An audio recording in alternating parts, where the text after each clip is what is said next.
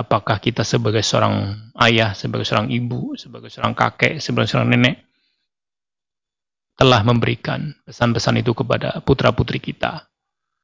Boleh jadi putra-putri kita pulang kepada kita dengan kendaraan-kendaraan yang orang, masyarakat sekitar kita menganggap sudah mapan, sudah kaya, sudah mampu, sudah membahagiakan dan membanggakan keluarga, kira-kira begitu.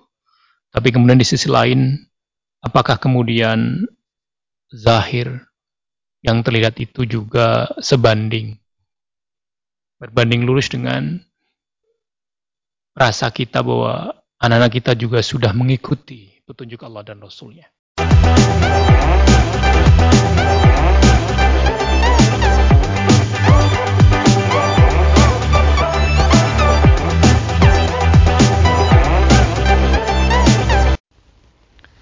Bismillahirrahmanirrahim. Assalamualaikum warahmatullahi wabarakatuh. Alhamdulillahirrahmanirrahim Puji syukur. Mari senantiasa kita panjatkan kehadirat Allah subhanahu wa ta'ala Atas nikmat yang banyak Yang sudah diberikan kepada kita semuanya Terutama nikmat iman, nikmat Islam. Sehingga di kesempatan pagi hari ini Kita bisa berjumpa kembali dalam program Fajar Hidayah. Saya Ahmad Fauzan menemani Anda dan di pagi hari ini, hari Jumat tentunya kita bersama dengan Ustadz Suprapto yang kita sudah terhubung. Beliau berada di Pondok Pesantren Majelis Tafsir Al-Quran. Assalamualaikum warahmatullahi wabarakatuh Ustadz. Waalaikumsalam warahmatullahi wabarakatuh ya, Mas Fauzan. Bagaimana kabarnya sehat hari ini Ustadz? Alhamdulillah. Alhamdulillah sehat. sehat. Takaballahu minna wa minkum. Takaballahu minna wa minkum. Kita akan lanjutkan kembali materi yang nanti akan disampaikan oleh Ustadz Suprapto dan tentunya nanti di paruh kedua pemirsa bagi Anda yang ingin bergabung silahkan persiapkan terlebih dahulu pertanyaan Anda dan nanti bisa ditanyakan di paruh yang kedua di lantai telepon 02716793000 SMS WhatsApp di 08112553000 Baik, pemirsa di mana pun Anda berada kita akan dengarkan tausiah terlebih dahulu dari Ustaz Suprapto. Monggo silakan Ustaz. Baik, bismillahirrahmanirrahim. Assalamualaikum warahmatullahi wabarakatuh. Alhamdulillahi rabbil alamin. Asyhadu an la ilaha illallah wahdahu la syarikalah wa asyhadu anna Muhammadan abduhu rasuluh. Allahumma salli ala Muhammad wa ala alihi wa ashabihi wa man tabi'ahu dahum bi ila yaumiddin. Wa qala ta'ala fil Qur'anil Azim, A'udzu billahi minasyaitonir rajim. Bismillahirrahmanirrahim. Ya ayyuhallazina amanu taqullaha wa qulu qawlan sadida. Yuslih lakum a'malakum wa yaghfir lakum dzunubakum. Wa man yutillahi wa rasulahu faqad faza fawzan 'azima. Wa qala min ba'di ayatihi yawma la yanfa'u malun wala banun illa man atallaha biqalbin salim. Wa qala Rasulullah sallallahu alaihi wasallam la yastaqimu imanu abdin hatta yastaqima qalbuh wa la yastaqimu qalbuh hatta yastaqima lisanuh wa la yadkhulu rajulul jannata la ya'manu jaruhu bawa'iqahu. Amma ba'd. Bapak dan Ibu, saudara semuanya yang hari ini diberikan kesempatan Allah mengikuti kegiatan Fajar Hidayah ini yang dirahmati Allah Subhanahu wa taala. Kita bersyukur kepada Allah di bulan Syawal di mana kemarin kita sudah melampaui satu bulan penuh apa yang menjadi kewajiban kita sebagai orang beriman dengan somu Ramadan. Dan tentu harapan yang senantiasa kita mohonkan kepada Allah agar keimanan kita, ketawakan kita semakin kuat, semakin istiqamah. Sehingga tujuan puasa untuk kita menjadi orang yang bertakwa, menjadi orang yang menjaga dari apa-apa yang Allah perintahkan untuk kita laksanakan, dan juga menjauhi dari Allah dan Rasulnya untuk kita tinggalkan, kita juga mampu meninggalkannya. Bapak dan Ibu, rasa syukur ini tentu harus nantiasa kita gaungkan dalam hati kita, dalam lisan kita, dalam uh, perbuatan kita. Dan insya Allah kita sejak tadi bangun tidur, kita sudah memuji Allah. Alhamdulillahilladzi ahyana ba'da ma amatana wa ila nusyur. Ini hal yang perlu dan patut senantiasa kita laksanakan. Karena sebagai hamba tidak ada hal yang kemudian menghalangi kita untuk bersyukur, untuk berterima kasih kepada Allah yang telah memberikan banyak sekali kenikmatan kepada kita.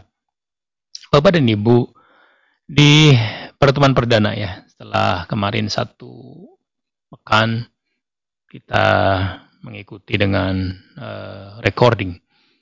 Maka di hari ini, sebagaimana juga hari-hari atau pekan-pekan yang lalu, kami senantiasa memposisikan diri untuk sebagai pengingat kita bersama. Artinya tentu kami akan senantiasa uh, istiqomah dalam kita menyampaikan kalam-kalam Allah dan juga hadis-hadis Rasulullah yang menjadi pegangan kita bersama. Karena pada hakikatnya apa yang kami sampaikan tentu sudah menjadi pengetahuan kita bersama, menjadi uh, pemahaman kita bersama dan juga menjadi keyakinan kita bersama bahwa petunjuk yang hak adalah kitabullah. Kemudian juga sunnah dari Nabi kita Muhammad sallallahu alaihi wasallam. Kalau kemudian kita mengingatkan posisi kita bermuhasabah yang senantiasa kami sampaikan di setiap waktu kita, hari-hari yang kemarin tentu kita bisa melihat ya bagaimana kita sangat bergembira, sangat bersyukur setelah kita berpuasa, kemudian kita juga ada acara uh, silaturahim kita bersama keluarga, handetolan yang jauh, yang jarang ketemu, kemudian kita bisa bersua kembali, saling mendoakan taqabbalallahu minna wa minkum. Semoga Allah menerima dari diri kita dan juga dari di antum semua amal-amal yang telah kita kerjakan khususnya pada waktu uh, sumur Ramadan siam kita, salat kita dan qiyamul kita serta sedekah-sedekah kita. Di sisi lain kita juga bisa melihat bahwa ketika anak-anak kita datang kepada kita, keluarga kita datang kepada kita, kalau saya memposisikan sebagai orang yang paling tua pada saat itu, ada satu hal yang tentu selain kegembiraan itu adalah satu bentuk pertanyaan kepada diri, diri kita masing-masing. Apakah kebahagiaan ini juga akan berlangsung sampai besok di kampung akhirat? di mana kemudian tidak ada tidak ada yang bisa memastikan diri kita masing-masing untuk masuk ke dalam surganya kecuali dengan iman kita, ketakwaan kita dan rahmat dari Allah Subhanahu wa taala kepada kita semuanya. Oleh karenanya kadang ada satu yang senantiasa menggelitik kita bahwa di sana ada ayat ku anfusakum wa ahlikum nara. Jagalah diri diri kalian dari api neraka. Jagalah diri diri kalian dan juga keluarga kalian dari api neraka. Ini yang kemudian akan mengevaluasi kita apakah kita sebagai seorang ayah, sebagai seorang ibu, sebagai seorang kakek, sebagai seorang nenek telah memberikan pesan-pesan itu kepada putra-putri kita. Boleh jadi putra-putri kita pulang kepada kita dengan kendaraan-kendaraan yang orang masyarakat sekitar kita menganggap sudah mapan, sudah kaya, sudah mampu, sudah membahagiakan dan membanggakan keluarga, kira-kira begitu. Tapi kemudian di sisi lain, apakah kemudian zahir yang terlihat itu juga sebanding, berbanding lurus dengan rasa kita bahwa anak-anak kita juga sudah mengikuti petunjuk Allah dan Rasulnya. Yang kemudian senantiasa kita evaluasi. Sehingga kita yang masih muda-muda, anak-anak kita masih kecil-kecil, itu menjadi satu potensi yang besar untuk kita mendidik anak-anak kita ke dalam jalan yang Allah ridhoi dan juga Rasulnya. Kenapa? Karena tidak ada jaminan tadi saya katakan di akhirat besok faumalu wala. Hari di mana tidak akan bermanfaat harta-harta kita yang mungkin selama kita mulai masuk masa dewasa, kita bekerja keras. 20 tahun, 25 tahun, 30 tahun sampai kemudian kita pensiun misalnya. Kemudian kita membesarkan anak kita dengan ekonomis yang tinggi. Dengan kerja yang sudah mapan misalnya. Tetapi kalau kemudian anak-anak kita jauh dari tuntunan agama dan melaksanakan kegiatan pekerjaannya, banyak sekali hal-hal yang sebenarnya itu adalah sebuah larangan tapi kemudian diadakan. Apakah dengan cara menipu, cara berdusta, walaupun dengan satu sistem yang sangat manis ya, yang sangat tidak terasa bahwa itu adalah bentuk-bentuk uh, penipuan atau penggelapan atau hal yang sifatnya kecurangan-kecurangan dalam bertijarah misalnya karena bagaimanapun juga kita dalam kehidupan kita kalau tanpa ada pegangan tentu akan menjadi cukup punya potensi keluar dari jalur yang Allah dan Rasulnya ridhoi. Oleh karenanya, di kesempatan syawal ini setelah putra-putri kita mungkin pada kembali ke e, daerahnya, kembali kepada tempat-tempat di mana e, bekerja, kita senantiasa memohonkan kepada Allah bahwa kita dan juga keluarga kita itu terhindar dari e, azab neraka. Bapak dan Ibu, di sisi lain ketika putra-putri kita hadir, kita juga kadang melihat ya tetangga kita. Melihat tetangga kita bahwa wah mereka juga ternyata lebih ini ya, anak-anaknya bisa kumpul kemudian uh, bawa mobil sampai berderet-deret begitu karena mungkin putranya lima, mantunya sudah juga bawa mobil sendiri. Wah, semuanya menjadi hal yang bisa jadi menjadi potensi kita itu untuk anu tidak bersyukur kepada Allah. Seakan-akan ketika kita tidak memiliki harta-harta seperti itu, Allah sedang menghinakan kita. Apalagi pada saat uh, lebaran, putra-putri kita karena hal lain dan satu hal tidak bisa diizinkan oleh uh, perusahaan atau lembaga yang memberikan pekerjaan kepadanya. Atau hal lain, karena biaya dan sebagainya tidak bisa pulang. Maka di situlah kemudian hati kita senantiasa harus betul-betul bersih tidak akan kemudian muncul bagi seorang yang beriman itu uh, ngerasani atau ada rasa dengki, ada kemudian membuat satu hal yang kita gelurakan kepada tetangga-tetangga kita sekitar bahwa mereka iya begini dan begitu, tapi kan kemudian kamu nggak tahu toh kalau mereka juga bekerjanya sebagai ini sebagai ini, sehingga itu yang kemudian membuat gak nyaman hati orang yang kita uh, hibahkan tadi. Padahal di ayat tadi bahwa harta benda kita tidak akan ada manfaatnya. Kecuali diri-diri kita itu ketika menghadap Allah dalam hati yang bersih. Bersih dari kesyirikan, bersih dari bid'ah, bersih dari hal-hal yang Allah dan Rasulnya larang. Tapi kemudian kita melaksanakan itu atau dalam bentuk kemaksiatan-kemaksiatan. Di beberapa tafsir memang lebih ke arah satu dari bersih dari bid'ah, bersih dari kesyirikan, bersih dari uh, atau dia nyaman ya, nyaman dengan uh, istiqomah dalam uh, sunnah, dia tidak nyaman dengan bid'ahnya. Artinya kemudian orang yang beriman dengan setulusnya itulah yang akan menyelamatkannya. Maka ketika kita melihat tetangga kita dalam posisi-posisi yang boleh jadi dalam pandangan manusia lebih baik secara harta benda, tetap kita harus menahan diri untuk tidak mengomentari hal-hal yang tidak tahu sebenarnya di antara diri kita tentangnya. Apalagi tadi misalnya dalam uh, hadis yang kami bacakan tadi bahwa tidak akan bisa beriman seorang hamba itu sampai lurus hatinya.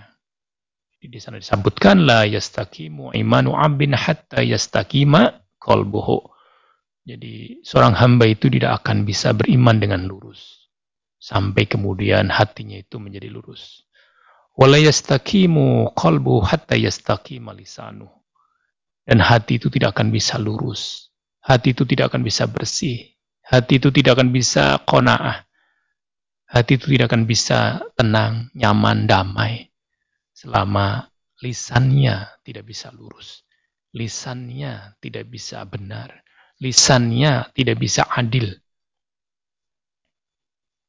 maka di akhir hadis ini disebutkan bahwa walayat hulu rojulun al jannata la ya'manu jaruhu bawa'iqahu. Bahwa tidak akan masuk surga orang yang membuat tetangganya itu tidak aman dari kejahatannya.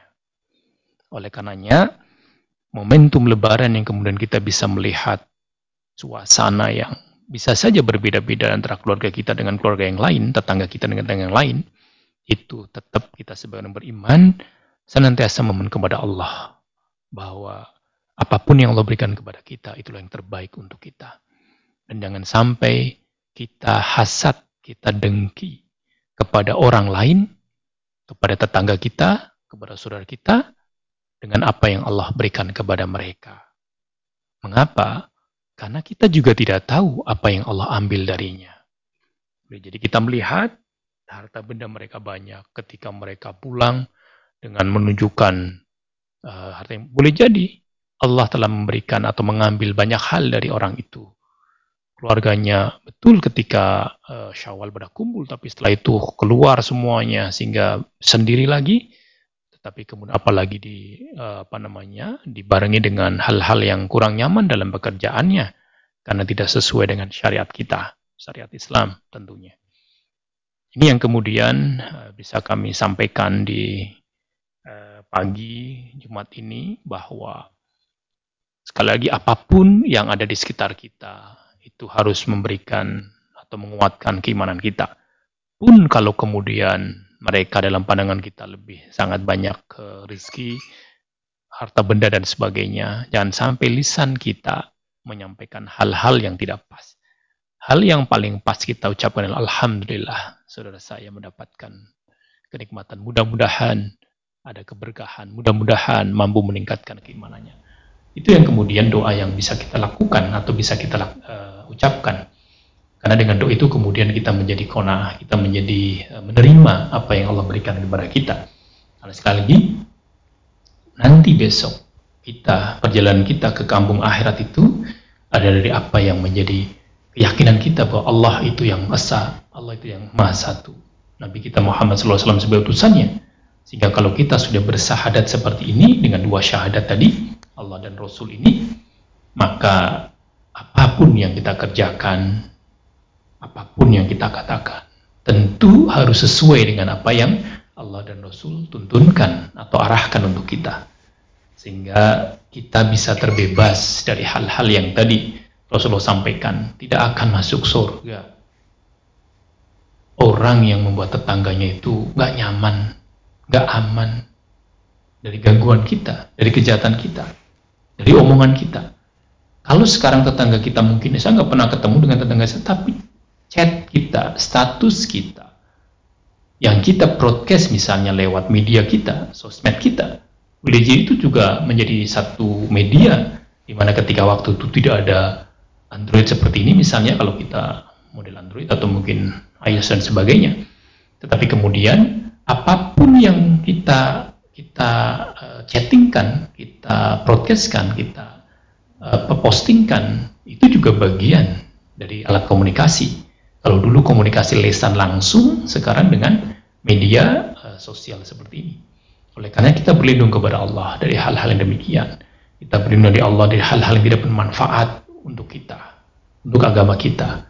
Sehingga kalau kita bisa memberikan satu potensi beri kita ruang untuk kita berekspresi banyak hal yang bisa kita lakukan dalam kebaikan-kebaikan ini itu mudah-mudahan akan meningkatkan di bulan Syawal ini apa yang sudah kita lakukan dengan menjaga diri ketika kita puasa kemarin dari omongan-omongan yang tidak baik dari pekerjaan-pekerjaan yang lahu dari hal-hal yang Allah dan Rasulnya larang ketika kita sebagai orang yang sedang berpuasa maka ketika syawal tentu kita juga lebih kuat lagi karena kita sudah melakukan uh, apa ya penggemblengan diri selama satu bulan itu kan tidak hanya kemarin tapi kemarinnya lagi tahun kemarin dan tahun kemarin lagi. Bahkan kita sudah bertahun-tahun. Sehingga harapannya meninggalkan ucapan yang tidak jujur itu menjadi hal yang sudah biasa meninggalkan perkataan dusta itu menjadi sangat mudah untuk kita lakukan karena kita sudah terbiasa dengan uh, riyadhah ketika kita uh, puasa. Bahkan Allah dalam uh, hadis kutsinya kan uh, sudah menyampaikan atau Nabi menyampaikan dalam hadis kutsinya yang Allah firmankan oleh Nabi kemudian Nabi meredaksikan bahwa Allah itu tidak akan memerlukan makan minum kita yang kita hindari kalau dia tidak mampu menghindari kauluzur wal amal bihi. Perkataan dan perbuatan yang tidak baik yang lancung yang tidak jujur yang penuh dengan kemaksiatan. Oleh karenanya kalau kita berpikir seperti itu masa momentum syawal ini adalah momentum kita bergembira. Satu bulan kita bisa melakukan kegiatan-kegiatan yang Allah secara lingkungan membentuk semuanya. Rasul secara lingkungan membentuk semuanya dengan full ibadah maka di Syawal ini adalah panen kita. panen untuk kita mampu ternyata ketika kita bisa makan minum sekedar hajat kita dan hal-hal lain yang dilarang Allah kita bisa menghindari dengan mudah mudah-mudahan Allah senantiasa memberikan keistiqomahan itu sehingga besok sampai Allah memanggil kita kita dalam posisi yang hati yang bersih hati yang penuh keimanan kepada Allah subhanahu wa ta'ala dan juga kita bisa istiqomah dalam menerima takdirnya kita senantiasa bersabar sehingga Allah memanggil kita karena ajal kita sudah ditetapkan, kita akan ridho untuk itu. Saya kira ini yang bisa kami sampaikan di ya. sesi yang pertama. Baik, terima kasih Ustaz Sukron atas uh, tausiahnya di pagi hari ini. Kita akan lanjutkan kembali nanti di paruh kedua setelah pesan berikut. Pemirsa, pastikan Anda terus bersama kami dalam program Fajar Hidayah. Ya, pemirsa di mana pun Anda berada, terima kasih bagi Anda yang masih selalu setia bersama kami dalam program Fajar Hidayah. Kita lanjutkan di sesi yang kedua kami beri kesempatan di line telepon 02716793000 bagi Anda yang ingin bertanya langsung kepada Ustadz. Seperti yang satu ini dengan siapa? Assalamualaikum warahmatullahi wabarakatuh. Assalamualaikum. Iya. Dengan siapa di mana? Wasino Pekanbaru. Iya, silakan Pak. Assalamualaikum Waalaikumsalam warahmatullahi wabarakatuh. Silakan. Uh, salat tarawih di situ, salat witir yang saya makannya uh, itu pakai apa dia? Uh, yang terakhirnya itu doa kunut apa pakai doa kunut. Ini sudah belajar di MTA kalau kita pakai kunut atau tidak gitu Pak ya. ya. Itu ada Baik, demikian. Terima kasih Pak. Ya, silakan Ustaz. Baik, saya kira tidak di ini ya, tidak hanya di ketika terawih saja ya. Ketika di sholat wajib khususnya di biasanya di kita kan ada yang uh, pakai kunut melazimi di subuh misalnya lah kita di majelis, majelis tafsir Al-Quran ini ketika memahami ini adalah bahwa Nabi ketika mengirimkan para sahabatnya ya untuk berdakwah atas uh, permintaan dari sebuah uh, kaum tapi ternyata kemudian dikhianati dengan uh, dibunuh. Hampir uh, puluhan para hufat yang kemudian gugur pada saat itu Nabi kemudian berdoa dengan ini di setiap sholatnya. Tapi kemudian ketika Allah memberikan tegurannya bahwa hal itu adalah urusan Allah, apakah Allah akan mengampuni atau tidak mereka, Nabi kemudian tidak berdoa uh, kunut lagi di setiap sholatnya. Maka dengan uh, dasar itu kemudian majelis memberikan satu pemahamannya kepada kita uh, ketika sholat uh, kita juga sudah tidak memakai kunut lagi. Tetapi ingat bahwa kami tentu tidak dalam rangka untuk senantiasa menyatakan bahwa kitalah yang benar dan yang memakai kunut salah. Ini tentu harus digarisbawahi. Eh, Karena beliau juga beranggapan atau beralasan bahwa itu pun pernah dilakukan oleh Nabi sebagai sebuah sunnahnya. Maka mohon bisa dipahami dalam posisi ini. Sama dengan kaitannya dengan uh, terawih. Ketika diwajib pun nama, terawih pun demikian. Tidak uh, kami tidak menggunakan kunut. Demikian Bapak. Iya. Baik, demikian mudah-mudahan bisa difahami dan coba kita bacakan pertanyaan selanjutnya Ustaz. Datang dari Supriyono yang ada di Batang, mohon tausiahnya Ustaz pertanyaannya. Kalau tidak salah saya mendengar bahwa seorang secara syar'i dalam keadaan yang segalanya mampu, aman, berhaji, tetapi tidak mau menjalankan, nanti kalau meninggal disuruh memilih apa menjadi Yahudi atau Nasrani. Pertanyaan tersebut pernyataan tersebut benar atau salah Ustaz? Mohon Baik. dijelaskan. Memang di uh, hadis tapi kemudian hadis ini dilemahkan oleh Albani. Kami bacakan mungkin cara uh, artinya bahwa barang siapa berkecukupan namun tidak berhaji padahal dia memiliki harta yang sudah wajib zakat dan dia tidak disibukkan oleh keperluan yang nyata oleh sakit yang menahannya atau oleh penguasa zalim maka silakan dia mati dalam agama yang dia kehendaki sebagai orang Yahudi atau Nasrani. Kalau dalam uh, terma ini, maka ini memang hadis ini adalah doif. Uh, oleh karenanya uh, terkait dengan uh, tadi Bapak sampaikan apakah ini hadis atau tidak, uh, hadis tetap doif yang kemudian adalah kami lebih mengarahkan bahwa karena ini adalah uh, konteksnya tadi kan uh, mampu ya, sehingga kita sadar bahwa memang agama ini kan dibangun dalam lima asas, lima lima rukun ya maka haji termasuk bagian rukun itu bagi manistatu sabila bagi yang mampu untuk mengerjakan itu. Maka ketika konteks ini semaksimal yang kita lakukan.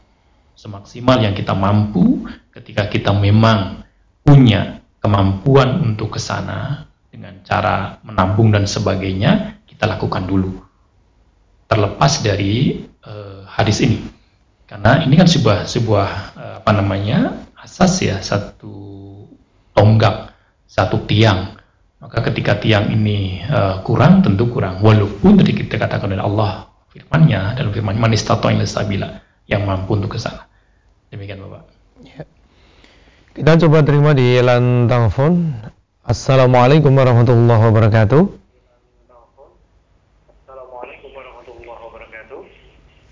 Waalaikumsalam warahmatullahi wabarakatuh. Iya, dengan Bapak siapa di mana? Warahmatullahi wabarakatuh dengan Pak Haji di Palembang. Iya, silakan Pak. Dengan Pak Haji di Palembang. Assalamualaikum warahmatullahi wabarakatuh, Mas Tad.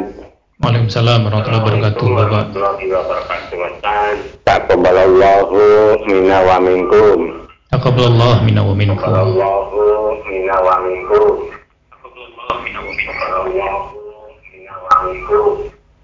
Mohon dijelaskan tentang orang yang puasa, puasanya full satu bulan dan benar. Nah itu bagaikan bayi yang baru lahir, artinya nggak ada dosa. Mohon jelaskan, benarkah begitu? Terima kasih. Ya. Wassalamualaikum warahmatullahi wabarakatuh. Waalaikumsalam warahmatullahi wabarakatuh. Bapak Hadi yang ada di Palembang. Ini adalah satu busro dari Nabi kita Muhammad SAW kepada umatnya bahwa ketika kita bisa menepati kewajiban kita man soma ramadhana imanan wa ihtisaban ghufir lahu ma taqaddama min dambi ma taqaddama wa ta'akhir min dambi jadi kalau kemudian asumsinya adalah akan diampuni dosanya oleh Allah itu adalah wilayah Allah Artinya, apa pun yang telah kita lakukan dengan ketidaksengajaan kita, kezaliman-kezaliman yang kita tidak sengaja lakukan, ketika Allah kemudian memberikan kabarnya kepada Nabi kita, maka itu urusan Allah. Dan itu yang kita mohonkan. Kita senantiasa mohonkan ampun kepada Allah Subhanahu wa taala. Maka ibaratnya kalau kemudian kita di bulan puasa, bulan yang penuh dengan keberkahan, untuk kita berbuat maksiat itu sangat sulit kalau kita katakan karena semua lingkungan itu memberikan satu pendidikan ini. Pendidikan untuk kita membaca Quran kita tadarus kita murojaah kita kemudian sedekah dan puasa tentunya menjadi apa namanya dasar kita. Sholat lail kita bahkan dilakukan dengan jamaah itu diperkenankan dalam hal ini maka semua adalah kebaikan kalau Allah kemudian akan memberikan pahala kepada orang berpuasa, kalau kepada amalan-amalan lain itu sepuluh kebaikan, tetapi ketika puasa, aku Allah yang akan memberikan apa namanya pahala itu. Maka itu wilayah Allah. Kalau penjelasannya tadi apakah betul-betul seperti bayi baru lahir itu gambaran yang Rasulullah berikan kepada kita. Seandainya Allah memberikan maghfirahnya kepada kita, memberikan ampunannya kepada kita, maka tentu kita seperti bayi yang baru lahir bersih tanpa dosa. Tetapi kemudian dosa-dosa mana yang Allah ampuni, itu adalah wilayah Allah. Maka senantiasa kewajiban kita adalah senantiasa beristighfar kepada Allah Subhanahu wa taala. Maka kalau kita memposisikan salah dalam memahami ini, oh berarti saya sudah nggak ada dosa semalih. Sehingga kesannya habis itu eh, melakukan hal-hal yang kemudian dilarang lagi Padahal semangat puasa untuk kita mampu menahan diri dari hal-hal yang diharamkan Allah itu dan Rasulnya itu berlanjut. Karena kita sampai kemudian istiqomah sampai kita terjemput oleh ajal yang sudah ditepan kepada kita, Israel akan menjemput uh, arwah kita atau ruh kita. Oleh karenanya, Kami tetap memahami bahwa ketika ini sebagai busur dari Nabi kita Muhammad SAW, maka itu nufawitillah Rasulullah SAW dan Allah. Kita sebagai hamba, sebagai umatnya, senantiasa berdoa untuk itu. Mudah-mudahan Allah mengampuni dosa-dosa kita. Sehingga ketika kita mendapatkan sentuhan ini, berikutnya jangan sampai saya melakukan hal-hal yang dilarang lagi. Kenapa? Karena belum tentu Allah mengampuni dosa kita ketika kita beristighfar, manakala apalagi kita dengan sengaja kemudian tidak ada jaminan kita juga bisa masuk ke Ramadan di tahun berikutnya. Oleh karenanya, satu hal yang senantiasa kami ingatkan bahwa evaluasi kita adalah evaluasi harian, sehingga apa namanya muhasabah kita muhasabah harian, sehingga kita senantiasa akan mampu mengukur apakah hari ini akan lebih baik dari kemarin. Hari kemarin ini kan dekat sekali, bukan tahun per tahun, itu sangat panjang. Oleh karenanya Bapak Hadi yang dari Palembang, kami tetap memahami bahwa itu adalah Eh, kabar gembira dari Rasulullah tentang hakikatnya seperti apa kita serahkan kepada Rasulullah dan juga Allah yang maha pengampun untuk hamba-hambanya. Demikian tadi Iya, baik. Ustaz pertanyaan tadi mengakhiri jumpa kita di pagi hari ini dan tentunya sebagai penutupnya bisa disampaikan terlebih dahulu Ustaz. Silahkan Baik, terima kasih Bapak dan Ibu yang sekarang sedang mengikuti uh, Fajar Hidayah ini kami senantiasa mengajak kepada diri kami pribadi dan juga kepada yang bisa mengikuti acara ini betul-betullah kita kemudian merasakan kebahagiaan, kesyukuran manakala kita telah disampaikan ke bulan Syawal. Karena bulan Ramadan berarti sudah kita ikuti dengan penuh. Ke bulan Syawal inilah tempat bagaimana kita mencoba untuk bertahan apa yang sudah kita laksanakan di bulan Ramadan kita mampu menjaga lisan kita dari hal-hal yang kotor. Kita mampu menjaga pandangan kita dari hal-hal yang tidak diperkenankan oleh Allah dan Rasulnya. Kita mampu semua yang Allah perintahkan semaksimalnya kita jaga. Karena apa? Karena ruh puasa kita adalah menjadi satu benteng kita. Maka ketika di syawal, kita memohon kepada Allah diberikan keistiqomahan dalam memegang agamanya ini. Memegang agama yang telah dibawa oleh Nabi kita Muhammad SAW sehingga manakala kita akan sampai pada ajal kita Allah memberikan anugerah memberikan rizki memberikan rahmatnya dengan husnul khotimah. Kita akan menghadap Allah dengan posisi kita sedang melakukan hal-hal yang Allah dan Rasulnya perintahkan. Kita dalam posisi yang sedang bersujud kita sedang bersembahyang kita sedang berdoa kita sedang belajar kita sedang melaksanakan apa-apa yang Allah dan Rasulnya ridho kepada hambanya untuk dilakukan. Mudah-mudahan itu menjadi anugerah yang terindah yang nanti Allah berikan kepada kita. Kita akan meninggal dalam posisi yang husnul khotimah. Kita akan meninggal dalam posisi di mana kita, hati kita, hati yang bersih, hati yang tidak ada kesyirikan, hati yang tidak ada kedengkian, hati yang tidak ada rasa hasad dengki kepada tetangga-tetangga kita. Mudah-mudahan dengan itu yang kita lakukan sebagai satu hal ikhtiar kita untuk memohon kepada Allah. Besok di akhirat kita memohon kepada Allah rahmatnya. Tentu tidak ada cita-cita tertinggi kita selain kita mendapatkan rahmat Allah dengan surganya. Apa pun yang kita lakukan di dunia inilah sebagai bentuk ladang kita. Kita akan mengetamnya besok di akhirat Makanya apa pun sekali lagi saya sampaikan, apa pun yang kita lakukan betul-betullah didasari dengan keimanan kita karena Allah Subhanahu wa taala sebagai Tuhan yang satu, yang patut dan layak kita sembah sebagaimana firman-Nya, "Qul huwallahu ahad." Allah Samad, lam yalid wa lam yulad wa lam yakul lahu kufuwan ahad. Menjadi pegangan kita semuanya. Mudah-mudahan sekali lagi Allah memberikan rahmatnya kepada kita, rezekinya kepada kita untuk kita bisa masuk ke kampung akhirat dalam posisi husnul khotimah Mudah-mudahan apa yang kami sampaikan bisa dipahami dan mohon maaf untuk hal-hal yang kurang berkenan. Mudah-mudahan sekali lagi uh, kita bisa menapaki di bulan Syawal ini dengan penuh rasa syukur kepada Allah.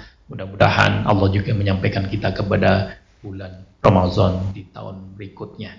Terima kasih untuk perhatiannya. Assalamualaikum warahmatullahi wabarakatuh. Waalaikumsalam warahmatullahi wabarakatuh. Terima kasih Ustaz tausiahnya di pagi hari ini. Insya Allah bisa kita lanjutkan di hari Jumat yang akan datang. Pemirsa di mana pun Anda berada, demikian tadi program Fajar Hidayah untuk pagi hari ini. Kami ucapkan banyak terima kasih atas perhatian Anda. Insya Allah di kesempatan yang akan datang bisa kita lanjutkan kembali. Tetap memenuhi protokol kesehatan. Saya Ahmad Fauzan undur diri. Alhamdulillahirabbil alamin subhanakallahumma bihamdika asyhadu an la ilaha illa anta astaghfiruka wa atubu. Billahi taufiq wal hidayah. Wassalamualaikum warahmatullahi wabarakatuh.